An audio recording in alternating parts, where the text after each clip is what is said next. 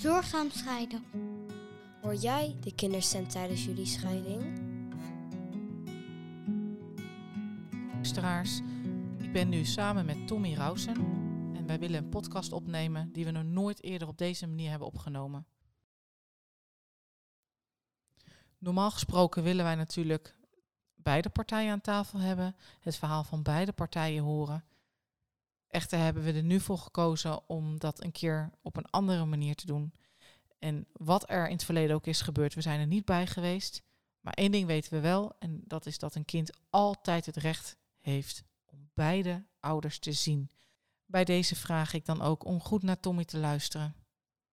Het is eigenlijk een ondenkbare situatie en helaas maken meerdere mensen hier, ook in Nederland, dit mee.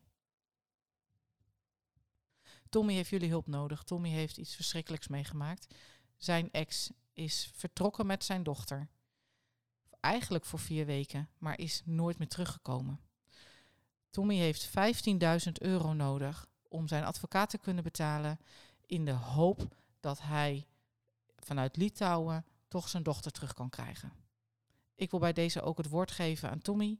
Uh, dit is een heel emotioneel onderwerp um, en ik hoop dat jullie de tijd willen nemen om naar hem te luisteren. Ja, als eerste heel erg bedankt voor de mooie introductie. Um, ja, zoals je net al aangaf, uh, heeft mijn ex inderdaad mijn dochter Juna uh, naar Litouwen meegenomen.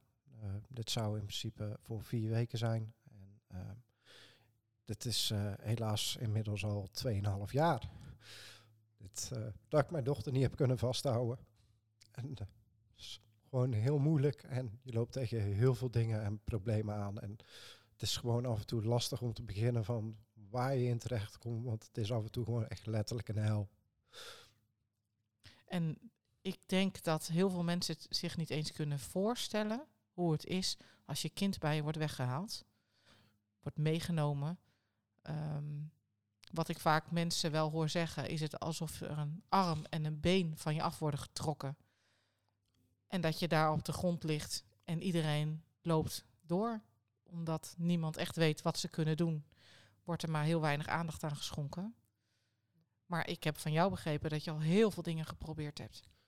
Ja, dat klopt. Uh, ja, als je erachter komt van je zorgverzekering notabene dat je kind is uitgeschreven uh, in die, binnen die vier weken, ja, dan gaan er wel allerlei alarmbellen bij je af.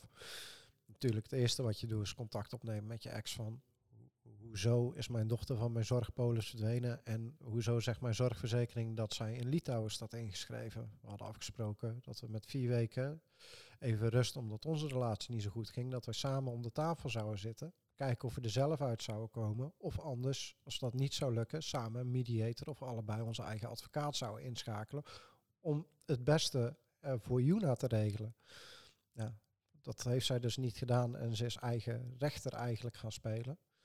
Dus ja, dan kom je al heel snel in een traject van. Mijn dochter wordt onrechtmatig vastgehouden. Dat is ook het eerste wat je intoetst in Google. Om te kijken van wat moet je doen. Want dat is iets waar je van tevoren helemaal geen rekening mee houdt. Dat zoiets gebeurt. Helemaal met iemand die je in het verleden vertrouwd hebt. En die je zelfs ook het kind toevertrouwde. Gewoon voor vier weken in het buitenland. Ja, dat vertrouwen is gelijk in één keer stuk. Dus je zit zelf als vader zijn er ook van wat moet ik nou in godsnaam doen? Dan kom je al vrij snel bij het uh, Internationaal Centrum van Kinderontvoering, de afkorting ICO. Uh, ja, daar neem je dan eens contact mee op. ja, het is eigenlijk gewoon een informatiepunt die je eigenlijk gewoon rechtstreeks doorzet naar een advocaat die jou daarbij kan helpen. Ehm, eerste hulp van het ICO is van, ja, je krijgt te horen van, oh, wat vervelend voor u meneer Rausen. En uh, we gaan gelijk kijken voor een advocaat. Je krijgt een lijstje met advocaten per mail toegestuurd. En dan uh, moet je maar gaan gokken wie de beste is voor jouw zaak. Want je weet het niet, je moet snel handelen. Je krijgt ook niet de tijd echt om na te denken, dingen te bespreken. Dus ik heb gewoon degene gepakt die dichtstbij zat van, ja, als we ergens een keer op en neer of contact moeten hebben, dat is het snelst en makkelijkst geregeld. Um, ja, dus toen heb ik inderdaad gelijk contact gelegd met de advocaat. Nou, die heeft me gelijk uh, twee dagen later op kantoor uitgenodigd om alles uh, ja, zeg maar door te nemen, te kijken wat er gebeurd is en welke juridische stappen wij moeten gaan ondernemen. nou, dan is de eerste, is dan komt dan kijken vooral bij eh, kinderen die vast worden gehouden in het buitenland, is eigenlijk het Haagse verdrag kinderontvoering. Moet er eerst gekeken worden of het land waar het kind zich dan op dat moment in verblijft, of die dat ook heeft ondertekend. In dit en hoe, hoe lang bij dat eerste traject? Want je beschrijft nu even heel snel al de eerste stappen die je hebt ondernomen. Ja. Dat eerste stukje, hoe lang heeft dat geduurd? Een week. Oh, toch? Oké, toch nog een week. Ja, ik ben zelf redelijk met dingen op zoek op internet en zelf uh, ook actie ondernemen en niet de hele tijd blijven afwachten tot de anderen reageren. Helemaal niet in het begin, want je bent echt in een soort paniekmodus. Ja. Dus uh, je hebt geen geduld, je wil nergens op wachten en uh, je wil gewoon zo snel mogelijk je dochter gewoon weer terug hebben. Want je had toen June al vier weken sowieso niet gezien. Ja. Inderdaad. En op het moment dat ze terug zou komen, nou, ja. leek ze dus helemaal niet meer terug nee, te ja, komen. ik had voor de vier weken dat ze eigenlijk terug zou komen, was ik vrij van mijn werk. Ik had vrij uh, gevraagd, zodat ik lekker... Uh, ja, we hadden eigenlijk centerparks geboekt voor lekker even met z'n tweetjes gewoon even lekker spelen en dat soort dingen. Dat is, uh, ja. dat is er allemaal nooit meer van gekomen. Nee, want je hoort iedereen altijd zeggen dat als je uit elkaar gaat, moet je in het belang van het kind, moet je eruit zien te komen. En daar, zijn, nou ja, daar is onze organisatie natuurlijk ook voor. Ja. Maar ik vind dat we tegenwoordig toch ook wel heel vaak horen dat een van de twee ouders naar het buitenland vertrekt met het kind. Je hoort dat inderdaad steeds vaker. En uh, ik denk ook dat een van het grote problemen is dat het af en toe lijkt alsof het een soort van gedoogd wordt. Uh, daarin denk ik ook dat gewoon instanties, net zoals de Nederlandse Centrale Autoriteit, uh, ook niet als zo'n doorgeefluik tussen landen moeten spelen, maar ook harder moeten kunnen optreden dat is ook, ja, zitten we dadelijk al iets verder in het verhaal, maar dat is inderdaad ook een punt waar je, waar je ja, dan tegenaan gaat lopen. En ook gewoon, ja, als je een aangifte doet bij de politie, als je dat besluit op een gegeven moment te gaan doen, ook daar, uh, om de aangifte überhaupt opgenomen te krijgen, moet je bij bijna boos en met je vuist op tafel slaan. En de politieagent uitleggen dat hij verplicht is zijn werk te doen. En, ja, dat, je zit al in zo'n verschrikking en zo hel en het is dan af en toe heel lastig dat de instanties die juist voor dingen zijn, als de strafbare feiten worden gepleegd, als de kinderontvoering wordt gepleegd, die daarbij horen te helpen, dat je daar keihard voor moet vechten om te zorgen dat ze iets gaan doen, in plaats van dat ze je helpen. En dan ben je, want ik heb uh, een hele tijd al met jou gesproken. Ja. En uh, jij bent heel mondig. Uh, je kent heel veel artikelnummers die, nou ja, hoe de wet in elkaar zou moeten zitten. Maar ik hoorde ook iedere keer weer van jou dat de wet gewoon niet gevolgd werd. Ja, dat klopt. Want uh, er is in het wetboek van strafrecht is dan een artikel 279 uh, opgenomen. Dat is het onttrekken van ouderlijk gezag. Dat is ook bij de Nederlandse wet gewoon strafbaar gesteld. Dat is inderdaad, uh, in het begin van de 2000 is dat ook nog een keer herziend. Dan is er een artikel 2 bij terechtgekomen. Dat was eigenlijk om ja, ouders die het kind willen meenemen naar het buitenland ontmoedigen. Uh, door te zeggen dat als een kind jonger als 12 jaar is en het wordt onrechtmatig meegenomen, dus het onttrekken van ouderlijk gezag, dat daar een uh, geldboete op staat van de vijfde categorie of een celstraf ten hoogte van 9 jaar. Dat is er neergezet als ontmoedigend. Maar het wordt maar enkele keren uitgevoerd. En ik denk doordat het maar enkele keren wordt uitgevoerd en 9 van de 10 keer niet dat inderdaad ouders ook denken dat ze voor eigen rechten kunnen spelen, omdat ze denken dat ze ermee weg kunnen komen. Ten koste van het kind? Ten koste van het kind. Want het kind is altijd gebaat bij goed contact met twee ouders. En Zeker dat, weten. Dat, daar heb ik me ook altijd gewoon 100% voor ingezet. Om, ondanks dat ze het kind onrechtmatig achterhouden, toch proberen contact op te nemen. Kijken of er samen een oplossing mogelijk was. Maar als iemand elke deur die je openzet steeds dichtslaat en je, je kind zelfs niet laat zien, al is het via videoverbinding, dan, eh, dat, dan loop je op een gegeven moment ja, vast en dan moet je het van instanties laten afwachten. Ja, en dat duurt gewoon heel lang. En dat is nog het ergste, doordat het ook gewoon allemaal heel lang duurt. Ben je inderdaad, loop je ook tegen het probleem dat de relatie met je dochter in dit geval band die je hebt. En ze was twee jaar oud toen op dat moment, dus zeer jong. Die band die valt dan vrij snel. Als daar gewoon niet een regelmatig contact en met een, iemand van twee jaar kan je wel videobellen, maar die heeft geen benul wat er eigenlijk is. Eh, het is Nee. iemand die ze kennen op een schermpje en daarmee kan je geen band opbouwen. Eh, dat, dat, dat, dat weet je ook gewoon als vader zijn. Het is gewoon een herinnering hoeveel pijn je hebt, dan dat je echt zegt van nou, hier ben ik bij gebaat. Dus het is ook gewoon dit soort dingen belangrijk, dat er ook gewoon een omgang is met de vader. Dat de vader gewoon voor het kind kan zorgen. Ja. En zo zou het ook echt moeten zijn. Ja, je zou denken van wel, alleen ja, als dat zo zou zijn, dan hadden we hier niet gezeten vandaag. Nee. Ik vind het ongelooflijk heftig wat je allemaal vertelt. Ehm, en ik denk iedereen die dit beluistert, dat hij denkt, hoe is het mogelijk? Maar jij maakt het mee. Ja. Je eh, hoe lang maak jij dit nu al mee? Hoe lang ben jij nu aan het strijden om Juna weer terug te krijgen? Tweeënhalf jaar. Tweeënhalf jaar. Nou, ik mag het wel onmenselijk noemen, denk ik. Dat is het ook. Ja. Ehm, Dat was het helemaal in het begin. Eh, je weet gewoon niet wat je overkomt. Eh, je zit er helemaal doorheen. Het heeft mij echt denk ik wel zeker een jaar geduurd om hier een beetje mijn weg in te vinden. Om ook gewoon toch, ondanks dit, ook toch gewoon een beetje een normaal leven ernaast weer te hebben. Want ja, je kan niet 24-7 hiermee bezig zijn. Dat Nee. sloopje, dat, dat lukt je niet. Dat kan je niet. nee. En daar een balans in zien te vinden in je eentje eh, in eerste instantie is dan ook gewoon extreem lastig. Ja. Maar het is je gelukt. Je staat nog overeind. Gelukkig ik wel. Ja, er zijn eh, veel mensen die, eh, die niet meer overeind hadden kunnen staan. En het is jou gelukt, dus dat laat alleen maar zien hoe, eh, nou, hoe sterk jij bent. Ehm, jij gaf ook aan dat je hebt van alles geprobeerd. ja, Eh, je hebt met heel veel instanties gesproken, je hebt met advocaten gesproken en op een gegeven moment heb je zelfs de politiek opgezocht. eh, dat klopt. Ik heb mijn volledige dossier met alle stukken erbij. Die heb ik aan alle actieve leden van de Tweede Kamer. heb ik ze gewoon allemaal een mail gestuurd. Met gewoon het complete dossier van leg mij maar eens uit hoe dit kan. Hoe kan het dat eh, een kind wat in Nederland is geboren, mijn ex en ik zijn in Nederland getrouwd, we hebben elkaar in Nederland leren kennen, hoe, hoe, hoe het kan dat Litouwen allemaal dingen mag beslissen over mijn dochter. Ja.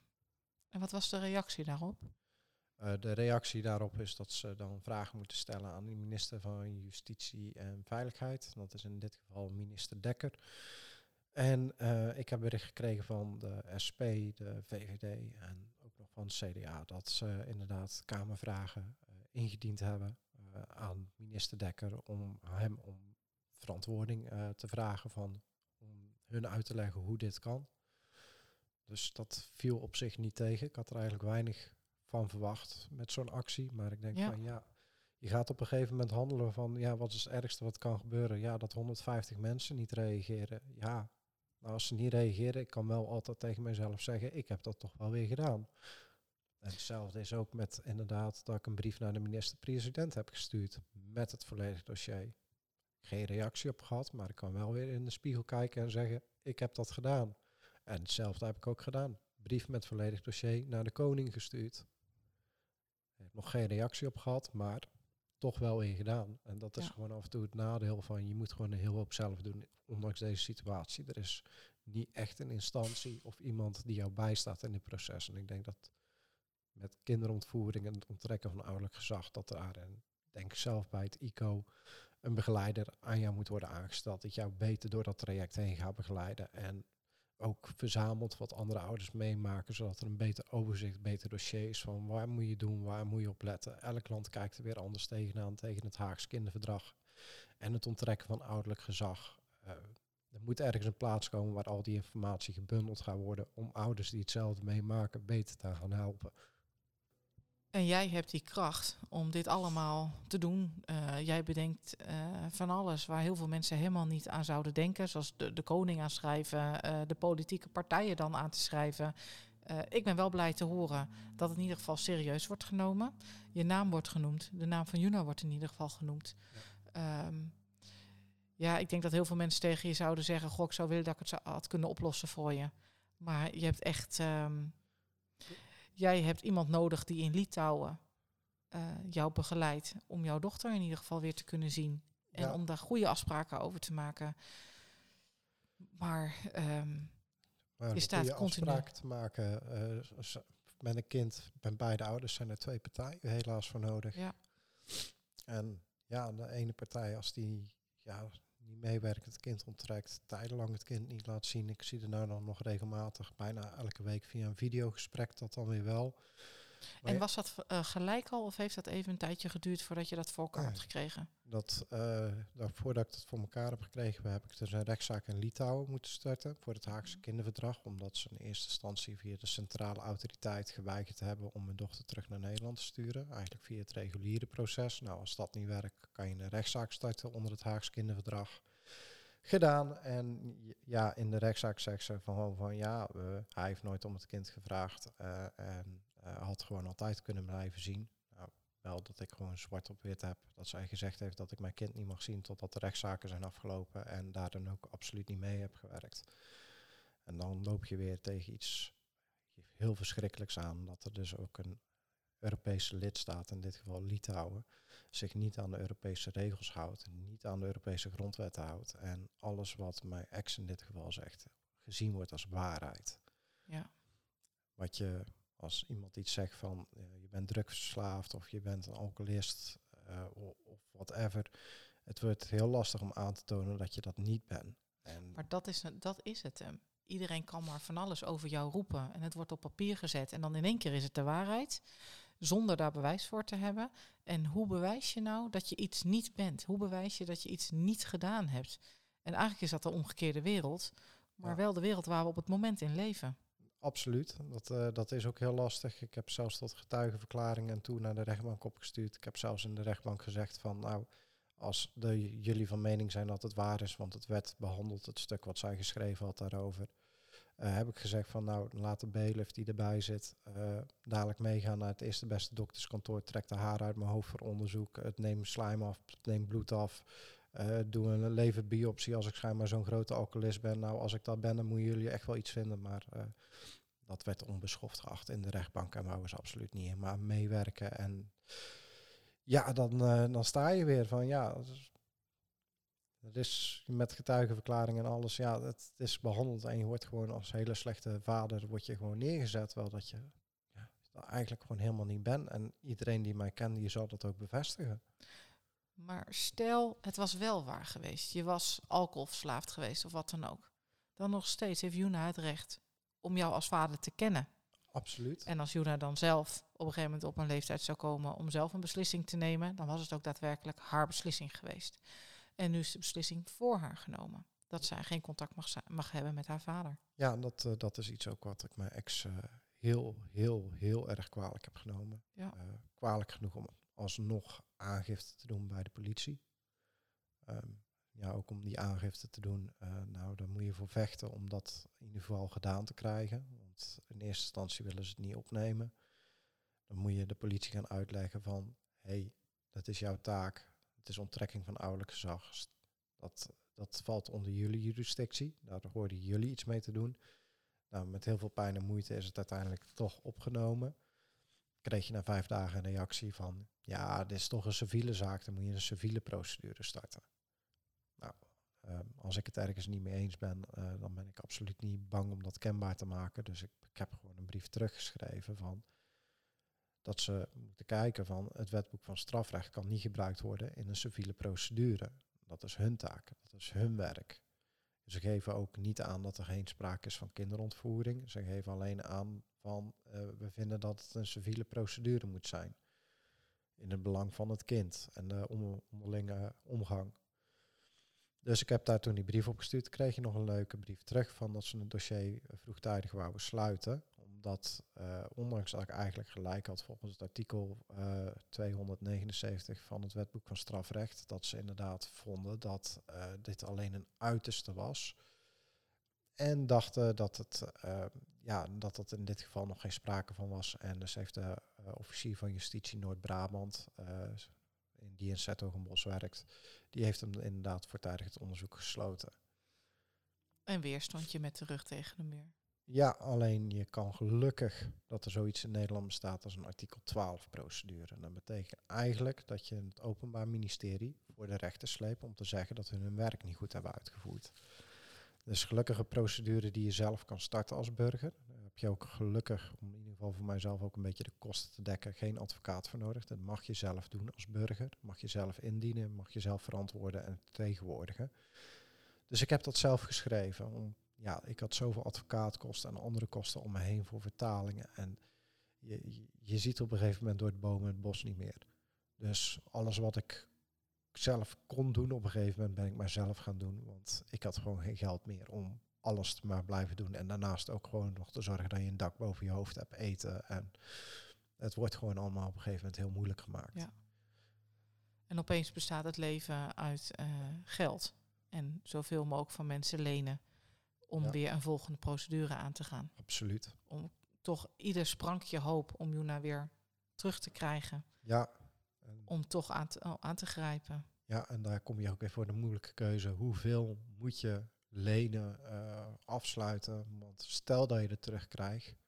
Als jouw leven één grote financiële puinhoop is met duizenden euro schuld, dan wordt het ook weer heel lastig om te zeggen van ja, ik heb het uit belang voor mijn dochter dat je het terug hebt. Maar je er eigenlijk weer geen goed leven kan geven omdat je er veel te veel schulden voor hebt Ja, moeten maken. dat je levenslang terug moet betalen. Ja. Ja. Dus dat, dat zijn bepaalde afwegingen die je inderdaad helaas ook uit het belang voor het kind moet doen van ja.